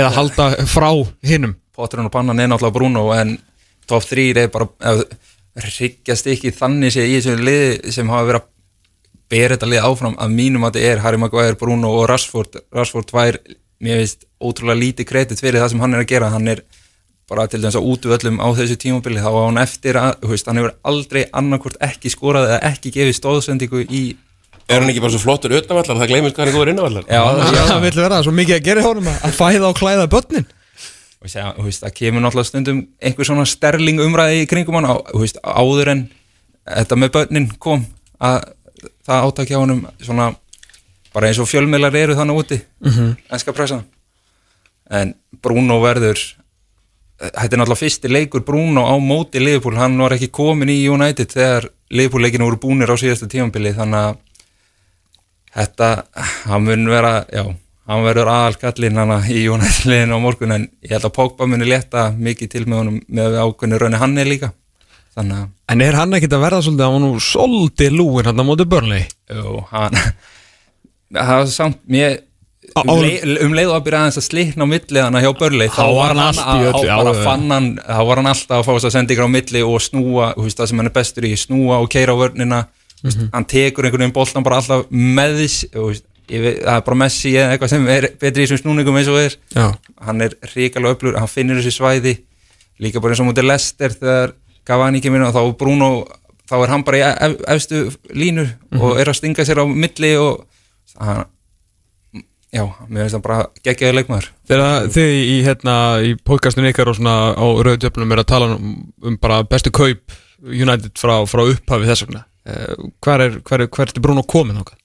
Nú þegar á einu almanlagsári hann er alveg top, top 5 allavega, top 3 kannski, en veist, hann er náttúrulega búin að vinna fjó hann var í, hvað sem ég gæðir, þá var hann í fjóraskipti maður mánaðarins í mm -hmm. ennsku úrvastöldinni sem er Já, það eru bara einhverju fimm eða sex á undan sem hafa unnið þetta oftar heldur en hann Já. Nokkur er náttúrulega búið að vinna þetta sem Það er maður Thierry Henry til dæmis sem er Mhm. ótrúlegt Já. En það er líka hægt að segja að Peter Otten Vinge vann þetta þrísvar en Hazard tvísvar Þannig að þetta er Hann kannski- þetta Peter er ó- Oten Vingi þetta þrísvar Hann vann þetta Á, þrísvar þetta skiljið öll. Ég ætla að vona að þetta er oft svona vinsælda kostning jafnvel. Já, re- reyndar, þetta, þetta er svolítið vinsallega mynd meðal, meðal leikmanna. Uh, En ef við förum aftur í, í, í Liverpool, Babu, hvað hérna, hvert horf er á morgun? Mó Í bestu menn. Já, Sko, besti leikmann Liverpool by far á þessu tíðanbili er Fabinho Það er sammála. Það er hérna al- alveg reynd og klárt Uh, Varðandi sko ég, já Fabinho, ég hef líka eh, er spenntu fyrir að sjá og vona fórum að sjá svona rökku hans í gang og stýra þessum leik, Tiago Mhm. Það er náttúrulega bara Liverpool á hann inni alveg algjörlega í rauninni Við þegar við bara ekkert fengið frá honum nema eitt segumark sem aldrei varð. Já, eða, þess- séu svona leikil sendingu í því skulum Já, það er nákvæmlega. Og, og hérna, það var þetta eftir að var búið að gera mortilurinn á hann sko, en, hérna já, já, það er rétt. En, en já, það, ég horfið til hans og, og svo er náttúrulega bara alltaf þessi, þessi heilega þrenningarna frammi hvort, uh, það er bara uh, hver aðeins sem er í, er í gýr sko, hvort sem Mó Manni eða, eða Bobby, þeir, hérna, þetta var alveg fýll leikur fyrir þá að, að stígu upp en, en líkilmaður hjá, hjá Liverpool það sem afur og, það sem við erum að horfa í þessum leik og ástæðan fyrir Liverpool samfélagið er svona stressað fyrir þessum leik, það er bara hver spilar í, í vörninni og, og hvernig hann stillir þar út því að það, þú veist, ef, ef Sjóal Matip er í liðinu og aðeins í formið, þá, þá sko, skiptir það höfumáli Já, ég er að skoða hérna á Guardian, það eru með hann líklega byrjunarlega fyrir hann leik líklega byrjunarlega Liverpool, það er Alisson Matip og Fabinho, uh, hafsendar. Alexander Arnold og Robertson bakverðir. Á miðjunni Henderson, Tiago og Wijnaldum, svo þrýr fremstu Sala, Firmino og Mane. Uh, þrýjagið uh, hérna, er þetta ekki bara leið sem við fara að sjá ef Matip ekki klár? Ef Matip er klár þá er þetta bara sjálf, sjálf ge, gefið jú nokkurn veginn sko. Já. En liðið á Manchester United, þar eru þeir að stilla sko upp í með DGA í markinu að sjálfsögðu. Og svo eru þeir þrýr hafsendar, Maguire, Bailly og Lindelöf, Sjó og Van Bis- Bissaka eru bakverðinir Fernandes, uh, McTominay og Pogba á miðjunni. Og svo Cavani og Rashford saman frammi. Er þetta eitthvað sem við erum að búast við frá Sósikjar? Ég held ekki. Af hverju, af hverju er það að fara í fimmana núna þegar að veist, það sem hann, þegar hann hefur spilað fimmann á þessu tímabili eru bara tvö skipti. Það er PSG úti, þeir eru unnu Já. mjög góðu sigur og síðan Leipzig úti, sem var hörmung. Að og hann, hann fór ekkert í þetta kerfi til dæmis á móti sitt í leikin eftir það skiljanlega þá, en hann fór heldur ekki í þetta kerfi núna í deildabökunum móti sitt í sem hann, hann, fer oft í þetta eða hefur í gegnum tíðina síðan hann kom að fara í þetta system á móti þessum lang bestu liðum oft á tíðum.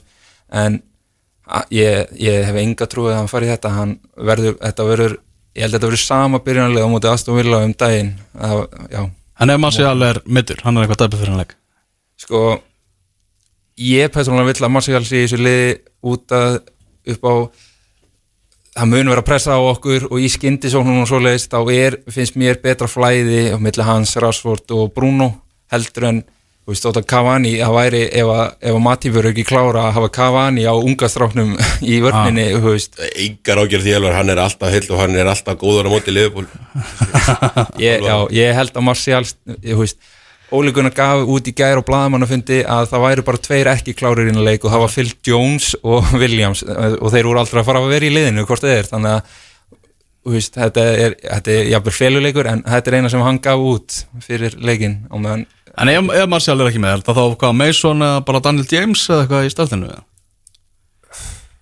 Mason Greenwood er aldrei að fara að byrja um leik sko, sko ég, ég held að það veri Fred og McTominay hann að verja vörnina og séðan verður Pogba í þessu róli vinstra megin stilt af einhverjum sem einhver kantmaður eða Ah. eitthvað svoleiðis og séðan verði þá framherji og Rashford hægra megin sem hann hefur verið að skila ágætlega núna þótt hann sé náttúrulega miklu betri en að vinstra megin Mhm. en það, þannig sé ég þetta og Bruno í hólunni en já.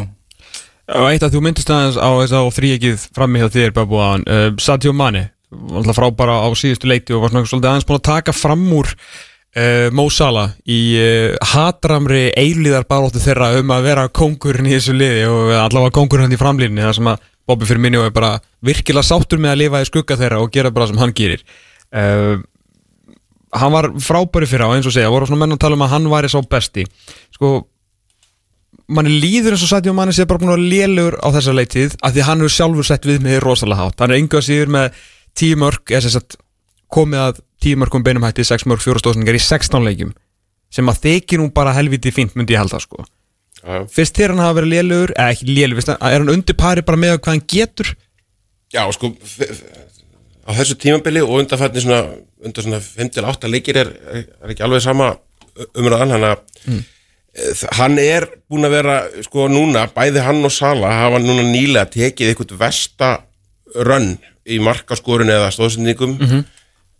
núna tíu, tíu leikja rönn sem það er gert bara síðan komið til liðból, það er bara, hjá mann er það bara líka yfir Rodgers tíman sko, þeir, þeir hafa verið þannig að það er svolítið í flútti við eftir að allir varnamenni fóru með og, og holningin liðinu fóru að fara í rugl Já. að þeir fóru að hérna fóru að dala og þetta fóru að vera þing, þingra í sóknulegnum, þetta Mm. ke- koma leikir eins og Pallas 7-0 þar sem að allt gengur upp og þetta, þetta rekkur í gangi svo koma núna fullt að leiki þar sem að liðból á alla skota markið, bara leik eftir leik eftir leik og þú veist eins og ég segi, var þetta holningunum liðum, ég finnst þetta ekki sérstök gemvísindi að, að allt, allt hætti að þegar þegar svona mikil mikil og alvarlega meðsli að skörðu verða, verða hópnum þó að það, er að tala um að verði óstöðuleik ekki að lið, liðir hinn, ég má ekki heldur gleyma því að Liverpool er búin að vera á toppnum í dildinu og undanfærið bara þangað til í síðustu viku heldur sko, að- Gleimir svolítið mjög hrætt og sérstaklega hjá ykkur sko. Já, hérna, að þe- þetta er ekki alveg búið en bara málega að þú horfir í program framöndan það, að það sem er, er, er stressið og, og, og að það sé ekki verið að gera neitt í því núna þegar, þegar glugginn er opinn en, en Sala og Mane eru eins og ég segi, báðið búin að taka svona smá dýfur Mane er allavega byrjar að skora aftur í síðasta leik og nei, ég myndi alls ekki segja að hann hafi verið lélegur á, á þessu móti en hann hefur var, hann búin að vera en, undan, undanfæri tvö ár. Já, já. Erum við að fara í heimavinn alveg eða? Förum hjána Já, það er náttúrulega ekkert vinsallega í heiminum í dag. Og síðust ár heldur en að setja saman sameili lið. Alltaf þegar það eru stórleikir. Og það er ekkert skemmtilega heldur en sameili lið Liverpool og Manchester United. Sérstaklega það er Bjarni við að setja það saman. Uh, Ég veit, ef að fá eitt lið í einu að fá hverja stöðu fyrir sig? Ég segi eitt lið í einu Bara svona ég held að sé auðvöldar að melta Ok, uh, Liverpool og heimaðalli, við ekki bara byrja að babúa Jó Ég setti þetta upp með að við hérna með hvernig maður átt að hvernig maður átt að gera þetta sko Já, með, e- á þessu tímafélag hver eru heilir. Já, það er bara, þú ert að fara að spila leik á eftir, á morgun bara ekki? Já ok, ég, ef ég var að velja lið bara úr, úr leikmunum sem eru heilir núna þá sko Já, hann alltaf kannski, já Ok, við tökum þetta bara svona as we go. Já, Þú veist, ég- Þetta, þetta er svona með við formliðana og ég geng... kem að því þetta, ja, bara, þetta, þetta, þetta er bara spurningu vænaldum að Tiago eftir hvernig þú Já, ok, þú mátt alveg vera með Tiago, því hann er heill, sko. Alisson í markinu. Já.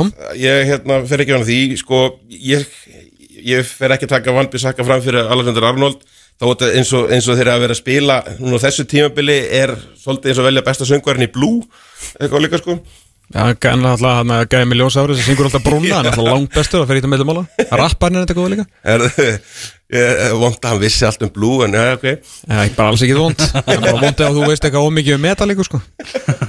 Alveg ég vond Já, já, og trendarinn er hérna í herribakuri Já, Fabinho Fabinho Maguire í miðvörunum. Alright og það má nota Fabinho í vörðinni sko, þannig er Ah, ah. spilaður sko. Já, emitt, ég er sammála, ég er ekki sammála og Bjarni standi við hliðin á mér, sko. Herðu, Andi Róbersson er fyrst með sjálfkjörin.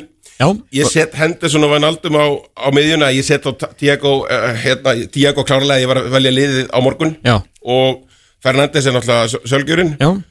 Og Sala, Rashford og, og Manne Sala Rashford manni Já, Bobby er líka búin að taka á þessu tímabili vera svona að taka dífu það sem hann var ekkert að skora og hann er þetta óbúslega mikilvæg fyrir liðbúlið heilsinni en, Rashford á, á hérna myndi ég taka, það eru þrýrum mannsestar sem Þrýrum aðstæðu, þetta var, þetta var eins og uh, Nei, þetta er, ég var með, sem sagt, þegar ég var bara að leika mér þá ég með Firmino fyrir uh, manni.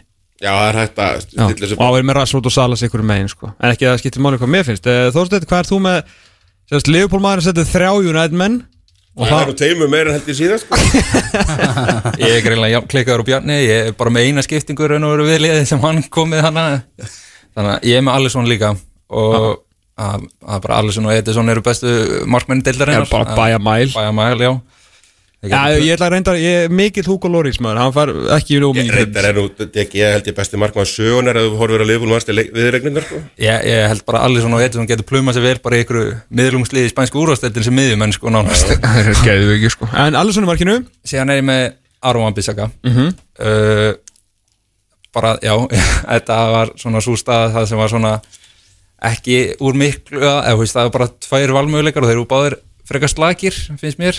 En bara með að við hvað trend á að geta þá og, þú veist Aron Wan-Bissaka er með eina stóðsendingu og eitt mark og meðan trendur með tvær stóðsendingar en þú veist, var hann, í fyrra var hann ekki komið með tíu núna á þessum tímapunkti á jú, eða jú. eitthvað að Það breytir því ekki að Já, mér finnst veist, var, var, varnarlega líka það hann sást til er að samt í lið sem búin að fá sér færri mörg sko Já, þú veist, Já, það var satt vandaðan hann reyndar í eins og ég leiki sá sko. það var til dæmis að þetta setja já, á hann. En, en, Já, þetta þetta er þitt og alveg, menn ekki láta babu búla Já, já, já. og hann sem reyndar í útverfinu Ég byrjaði síðan að setja Fabinho í liði en síðan, eins og Elvar sendi þetta er byggt á formi núna þannig að bæi tróðu sér í lið fyrir hann að mínu mati. Ok. Ef við þetta sjá svipin fyrir babu núna geggjað. Nú vantar þetta sér sjómanstættir Já, algjörlega. Þannig að það vantilega þá Bæjó og Maguire Já, líka ská Bæ- Bæjó Maguire og Robertson uh, Easy, uh, Henderson og síðan er ég með Pogba í stæðin fyrir Matit eins og Bjarni var með þetta. Já. Og síðan er það já Bruno Sala Rashford Mane. En já, Þannig að þú ert með 6-5 líka? Já. United? Já, bara Pogba Matits er, Er hann- Bjarni var með Matits og ég er með Pogba. Já, þannig að 6-5 United hjá United mannunum 8-3 Liverpool hjá Liverpool mannum Það er bara svona á þetta að vera. En þú hefur samt, skilur, miklu meiri trú að þínum en hann, skilur Já, já Það er bara, já, já, ég hérna, ég, ég, ég velja besta byrjunarlið mm. Það er bara svolítið alvarlega stöður sem ég á að gera og, og hérna, Já En fyndi samt með, að, sko, í, í svona leik Ok, ég, held að Er, er Bruno, er, er að sangjað að segja að Bruno sé sjálf kjörnasti maður nýtalið Af 22 ég, hef- ég hefði sagt að væri Hann og. Fabinho sko. Hvað séru? Ég hefði sagt að væri hann og Fabinho Fabinho er kannski ekki sjálf bara út af því sem hann búin að vara upp og niður um minn En það sem, Ég hefði sagt það, jú meira en Adi Robertson Er hann, Já, já, ég er bara, mér er alveg saman hvort ég setur Fabinho í, í vörnina eða miðjuna, hann er sjálfkjörn í báðastöður sko, og, og mér finnst það, já, alveg rock solid, sko. Þannig að ef þyrfti þú ættir að velja annarkotni lið og lefa þá Þorstinu að vera með Luke Shaw í vinstri bakvörnum fyrir Andy Robertson Myndu þú taka Andy Robertson út eða? Ef ég myndi bara gefa þér annarkot Við erum að tala um sko sjálf kjörnasta leikmanni liðir Ég veit ekki. Nei Ég ætla nú ekki alveg bara að gera það orðlusan með vinstri bakvörnum sko En það er ekki það mikilvægast að það Henda hjá jú þar sem Andy Robertson alltaf geggjaður Nei, nei, ég tæki, ég tæki ekki Fabinho út, ég tæki, myndu treysta hans og sjó og við, hefum nóg á miðjunu til að leysa það Brú- Bruno á holmi, sko, ómyndin. Já, stór orð Eru hvað hérna, hvað er að fara að sjá á morgun? Uh, Þorsteinn, hvernig leikur verður þetta? ég er bara ég, ég er bara orðlaust núna sko, en ég, þetta var ekki eins og þetta hefur verið þessar viðregnir upp á síðkastið út af bara Liverpool eru bara ekki in form núna og United, jú, það er alveg rétt eins og hann kom inn á United er búið að vera að lenda, þú veist, koma með þess að sigra eins og mó- sigra á móti eins og móti Sándon að koma tilbaka og all- allir þeir sigra sem voru í november og oktober lók, jafnvel. Ja, allir útileikirnir Já, allir, já. Já, það er enda prófið að nýta mútið börnlegum daginn og, og komast yfir og unnu Já, bara 1-0 og er það ekki meistara sigur hann að uh, ég, ég er alveg hrættur við þess að front 3 ef þeir fara Sala, hann var hann á tímambili núna fyrir á tímambili, þá var hann bara að skora í öðrum hverjum eða jafnvel hverjum leik. Þannig að það er líka náttúrulega spurning hvernig hann dettur í gang en ég hef bara ekki trú á því að Leopold sé eitthvað að fara með að við hvernig ólíkunar er búin að koma United svona and, að bara hann búið að taka til mjög andlega í þessu liði þá held ég að United verði mjög klárir og redd í hennar leik og en séðan náttúrulega spilar alltaf inn í þessar leiki í ennskúrstöldin og þetta var og allt þetta og ég veit ekki hvað við erum búin að eða mörgum klukkutími í það í að djöflavarpinu hjá okkur að tala um það. Þannig að ég, það er bara spenna en ég þetta geti enda bara í einhverju 0-0-1-1 sko. Já, maður má ekki sko, það er alltaf mikið að stóla ekki búin að vera svona leðilegir Ég sagði því bara búin að spila á feysarum í gær Þetta er 65-35 með boltan uh, Svo náttúrulega er þetta tvær vítaspinnur, 1-1 Og hvað, mesta, mesta eitt eitt jættifli bara sögunar. Já, eitthvað svona alveg bara Ég, ég óttast því þetta vonast þetta geggjuleik Hva, Hvernig heldur þú að þetta verði? Sko, mér líður nefnilega ekkert sérstaklega illa með það að Liverpool sé- fari inn í leik á, sem eitthvað underdog. Það er ekki, oftast ekkert ekkert slæmt og þeir hafa alveg komið upp í, í svona leikið þar sem er mikið pressa og, og hérna stýrti ég, ég, ég verður spennt að sjá hvernig mannstur gerir ef að þeir ætla að koma þessu og, og sækja og vera framar á vellinu þá, eh, sem ég er að vona að verði meira heldur en hefur verið undanfarana ár þá er, ég, þá er það ekkit ekkit neikvægt endilega fyrir, fyrir Liverpool þó að reyndar, ég skil ekki okkur lið sæki ekki á þessa vörn bara stanslust eins og hrættur að missa boltan Já, ég meina sér bara, fúlam komin leikin og, og hérna, nei, ég bara þessa vörn Já, þetta er ekki sama á byrjaða tímabili sko. Algjörlega. En Já, ég segi, fara undirdokkir í leikin þá líst mér ekkert, ekkert ræðilega á þetta snýst svolítið mikið um það hvernig, hvernig byrjunlið verður en, en hérna, ég, ég hef ekki segja 3-1 þrjú bara helviti bjarsinni, Já. ég var ekki svona bjarsin bara áðan sko. Nei, missaðu, það var hvað er að gera fyrir þig Þetta er náttúrulega þau lið sem búin að skora mest í ennskúrastöldinu á þessu Nákvæmlega, tímabili. það er eins gott að halda áfram að skora sko. Það verða alveg mörg Já, og meðan allir fjölmennir að titla þetta að þú veist, búa, búa til einhvern titilslag úr, úr þessum leik þá held ég að Pep Guardiola Já, hafi, mjög gaman að þeirri, þeirri. Það vitið það allir líka hjá Sti- Liverpool og, og, og Manchester sko. Ég, bara, þú veist, á endanum held ég að Pep muni vinna þetta mót, sko og meira, Já. þú veist, að það er allra betra sér að þess, sko en uh, eina mínum uppáða spurningum, strákar hvað eru þið að fara að horfa á leikin? Hvernig, hvernig horfir Babu og Liverpool United svona stressaður? Það er nú ekkit, ekkit stórvælegt Það er bara, Það er bara heima? Já, já, bara heima á Fjölskylda, vinnur og vandamenn? Nokkri, nokkri félagar bara sem að Það má nú ekki vera mikið í, í, í þessu COVID sko, maður bara, Einhver United maður? Nei, þetta sko Þegar Kristján allir sko er að horfa með einu manni en besta vinni sinum og það er United maður. Já, það gengur ekki upp sko. Ba- Babu verður bara jólakúlunni hann Liverpool að Tilbúið með einhverja hólmarkmynd bara eftir leikja Er ykkur Liverpool maður nála tíðar að mönda að horfa? Ekki á meðan ég er að horfa en bróður minni leifbúl maður en uh, ég var hjá vinið mínum. Við höfum horst á langflesta leiki með United í gennum tíðina þannig að maður er ekkert að fara að rjúa hefðir og maður verður bara þar. Báður United menn? Báður United menn Já. En það Já, það er góða við að hann er ekki alveg gallharður, hann er meiri í handbóltanum þannig að þetta er svona En hann fylgjast með Liverpool í handbóltanum er lítið, lítið, lítið Kom, Komur við hérna 80 eitthvað? Ja, 70 eitthvað? Já, Tiago á miðjunni, hann stýrir svolítið saman Ég held að hann var reynd að gegja leikstjórnandi Er þessi leikur? Svona línun og svona.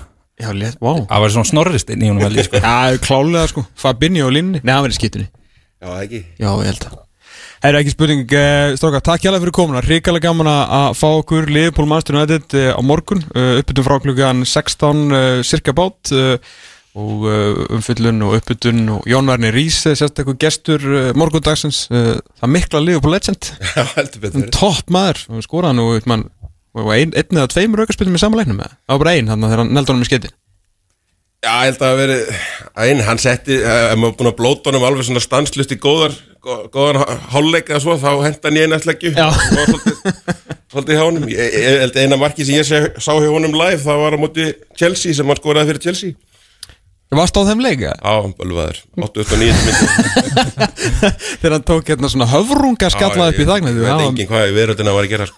Ekki hann, ég, ég spurði hann út í þetta morgun. Nei, ég held að sé ekki vinsælt. Já, þetta er alls ekki. Þorsteinn og Einar eh, strákar, takk hér fyrir komuna. K.is fyrir allar, alltaf nýjastu liðbúl Rauðu djöflandi.is fyrir alla uppbytun og allt sem þið viljið vita um hennar leik eh, frá sjónaróli Jónættumanna yes. Við höldum Þú ert að hlusta á Exið. 977 Já, við erum búin að henda Hanska ringborðinu aftur fram á gang. Þetta verður svakalugur leikur á morgun klukkan 16.30 og hann fyllt Liverpool Manchester United.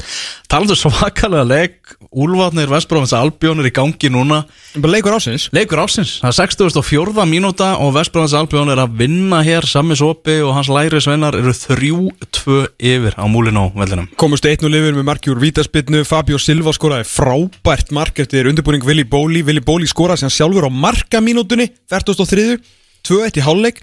Herru, komaði tilbaka í setni álegnum með tvö mörka á fjórum mínútum. Þetta er bara þvílíka sveiflur og, og við erum svona smátt og smátt að gleyma liðbúr Master United bara í, í þessu hildýpi sem er miðlandaslagur Úlfana og Vestbrómins Albjón Nákvæmlega það er sannleik Herru, hérna, þættinu var ekki að berast bref heldur, eh, raun og veru var bara uh, veraldafefnum var að berast bref úr skessunni, Guðmundur Hilmarsson uh, stórvinnur okkar uh, 2-1 tap hjá fimmleikafélaginu gegn Keflavík í fótbolti.net mótinu í dag.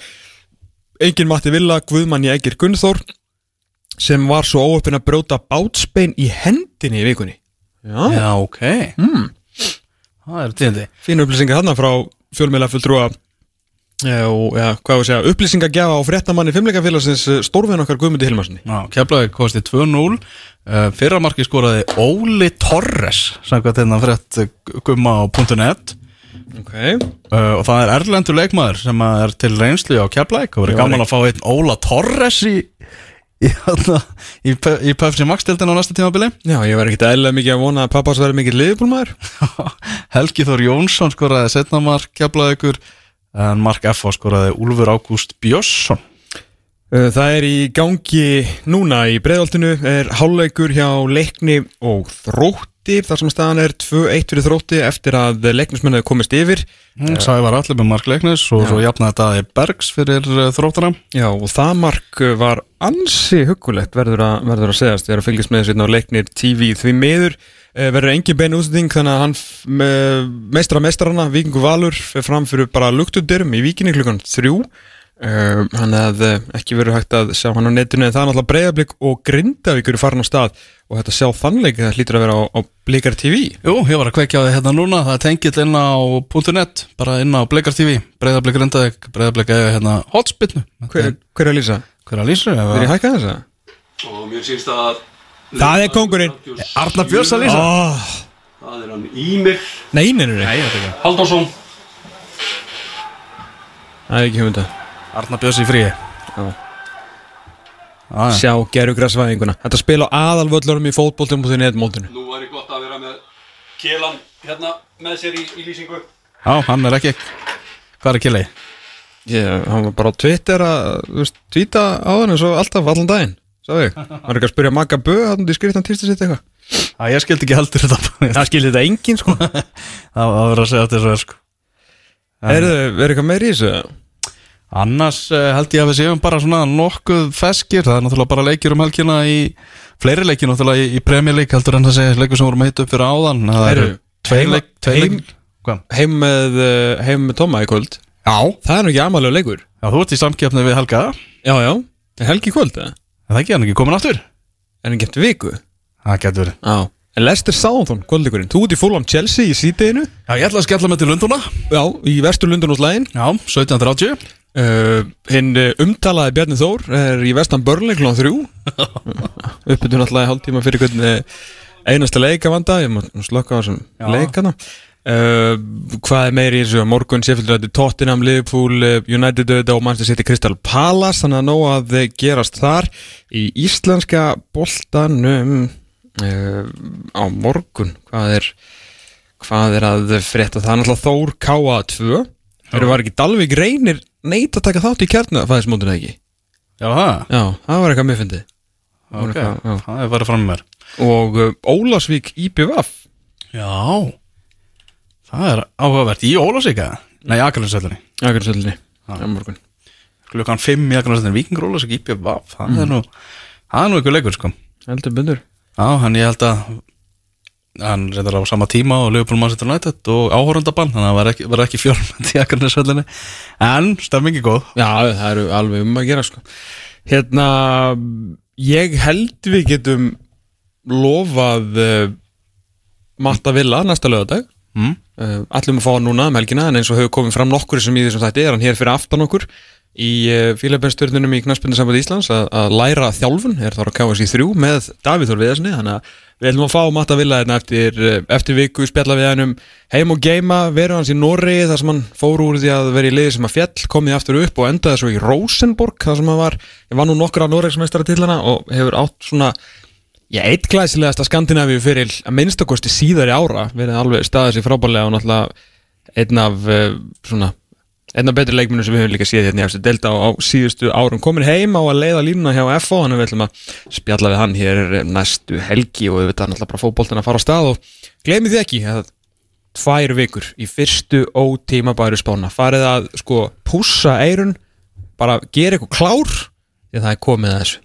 bara undirbúinastímbili pre-season football is upon us og þá fara ótíðum bara spátnar að dett inn í lokveir seinasta mánuðar og nú fyrst er hægt að fara nú er hækkandi sól, engin smitt og allir vinn sko. Nákvæmlega, það er að steytast í, í landsleiki það er hann uh, annað fjórungsuppgjörið, það er framöndan líka í, í enska boltanum? Enska Já, boltanum, það er mikið framöndan næstu vikurnar hjá okkur í, í þessum þætti. Aldrei vita nema að vera ráðin landslýstjálfari Kvenna og U21. Já, aldrei veitum að þeir fáið, að þessi lið fáið þjálfara. Það það er aldrei að vita og þá munum við sjálfsögðu vera með pötunum púlsinum þar. Þorsteinn Halldórsson búin að vera okkur fundum mínir í KFC Það er svo liðs Hann er búin að sjást þarna, eitthvað að vera. Ok. Gets